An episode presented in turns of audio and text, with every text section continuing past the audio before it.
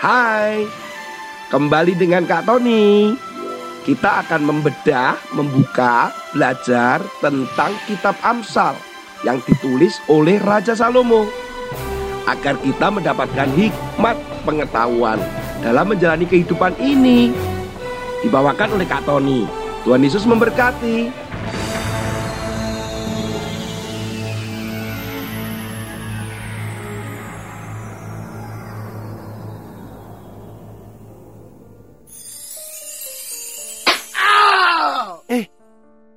Ada suara anak-anak yang terjatuh.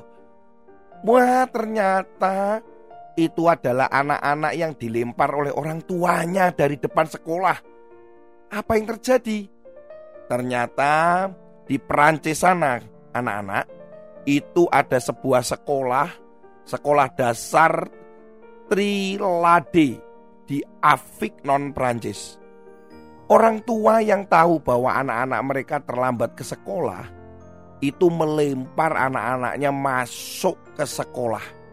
Mengapa demikian? Karena sekolah sudah menutup gerbangnya. Kepala sekolahnya bernama Sana Mesiani sampai menempelkan aturan di depan tembok sekolah bahwa orang tua jangan sampai melempar anak-anaknya kalau terlambat sekolah ini akan sangat berbahaya dan akan mencelakakan anak-anak yang ada dan yang mereka lempar itu. Nah, begitu benar itu. Jadi ternyata kepala sekolah itu betul bahwa jangan sampai ada yang celaka dan mengingatkan para orang tua. Kalau kalian terlambat, apa yang kalian lakukan? Ayo. Apakah kalian juga pernah dilempar orang tuamu masuk ke sekolah karena kamu terlambat? Anak-anak, orang tua ini memiliki kekuatan. Mungkin tenaganya kuat sehingga mereka bisa mengangkat anak-anak mereka. Orang tua ini juga punya ide yang bagus sekali. Bahwa kalau pagar itu ditutup, artinya mereka punya ide untuk melempar anaknya masuk ke dalam sekolah, melewati pagar itu. Nah, tapi orang tua ini tidak berhikmat karena dia menggunakan idenya, menggunakan kekuatannya itu bisa mencelakakan anak-anak mereka dan tidak mengajarkan anak-anak mereka untuk menerima konsekuensi atau resiko tanggung jawabnya karena keterlambatan itu. Ini sangat penting sekali loh anak-anak. Firman Tuhan dikatakan di dalam Amsal pasal 4 ayat yang ketujuh. Permulaan hikmat ialah perolehlah hikmat. Dan dengan segala yang kau peroleh, perolehlah pengertian.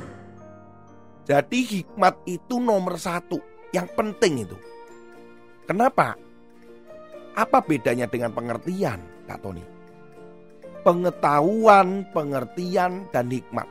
Ini tiga hal yang kalian harus ingat ketika kita mempelajari kitab Amsal ini. Pengetahuan itu adalah seperti data-data yang dimasukkan ke dalam komputer atau di dalam otak kita. Semua data, informasi. Nah, pengertian itu adalah sama dengan bagaimana menghubungkan data-data itu itu namanya pengertian. Contoh, kita memasukkan data ke dalam komputer atau datanya satu, satu, dua, dua, tiga, tiga, empat, lima. Kita sedang memasukkan data angka-angka itu ke dalam komputer. Bagaimana mengolahnya? Satu ditambah satu sama dengan dua, dua ditambah satu sama dengan tiga, tiga ditambah tiga sama dengan enam, Itulah yang namanya pengertian. Pengertian menggabungkan dan mengolah. Nah, hikmatnya itu ada di mana Kak Tony? Hikmatnya itu ada pada penggunaannya. Digunakan untuk apa? Jadi ini boleh atau tidak? Satu ditambah satu sama dengan dua. Itu digunakan untuk apa? Nah ini yang disebutkan hikmat. Kita boleh belajar pintar anak-anak. Kalian harus pintar. Kalian harus belajar setinggi-tingginya. Ya, Jangan artinya tinggi-tinggi nah kalian belajar sambil naik pohon. Bukan begitu, bukan. Kalian mungkin akan sekolah, kalian akan belajar menguasai ilmu ini, menguasai ilmu itu. Nah, kalian juga harus mengerti, menghubungkan ilmu ini dengan ilmu itu, ilmu matematika yang kalian pelajari. Kaitannya atau hubungannya dengan bahasa Inggris apa? hubungannya bahasa Inggris dengan kemampuan kita di dalam ilmu pengetahuan alam apa? Nah, itu menghubungkan belajar baca buku. Tetapi ketika kita melakukan itu, ketika ilmu itu mulai kita aplikasikan, kita mulai menerapkan itu di dalam kehidupan sehari-hari. Apakah kita punya hikmat? Ini boleh atau tidak? Ini bisa atau tidak? Nah itu lebih penting. Albert Nobel penemu dinamit. Ketika dia menciptakan dinamit karena kepintarannya. Dinamit itu apa Kak Tony? Dinamit itu adalah alat peledak ya. Ketika Albert Nobel menemukan dinamit yang adalah alat peledak dan dia ciptakan itu dengan pengetahuan dan pengertian yang dia miliki. Bahkan Awalnya dia berhikmat karena memang digunakan untuk meledakkan gunung-gunung atau batu-batu yang ada bahan atau sumber tambang di dalamnya. Sehingga untuk mengambil bahan-bahan tambang atau sumber tambang itu, minyak bumi, batu bara, itu harus diledakkan dulu. Tetapi orang-orang yang pernah tahu tentang hal itu tidak berhikmat. Akhirnya menggunakan bahan peledak itu atau dinamit ini untuk berperang, untuk membunuh orang, untuk mencelakai orang. Ini loh gambarannya. Orang ini boleh punya pengertian, orang ini boleh punya pengetahuan, tetapi digunakan untuk hal yang melukai dan mencelakai orang lain. Sehingga sempat Albert Nobel diberi gelar sebagai pedagang kematian. Kasihan ya. Tetapi Albert Nobel mencoba untuk memperbaiki namanya itu dengan dia memberikan 94% dari kekayaannya untuk penghargaan Nobel yang sampai hari ini masih ada.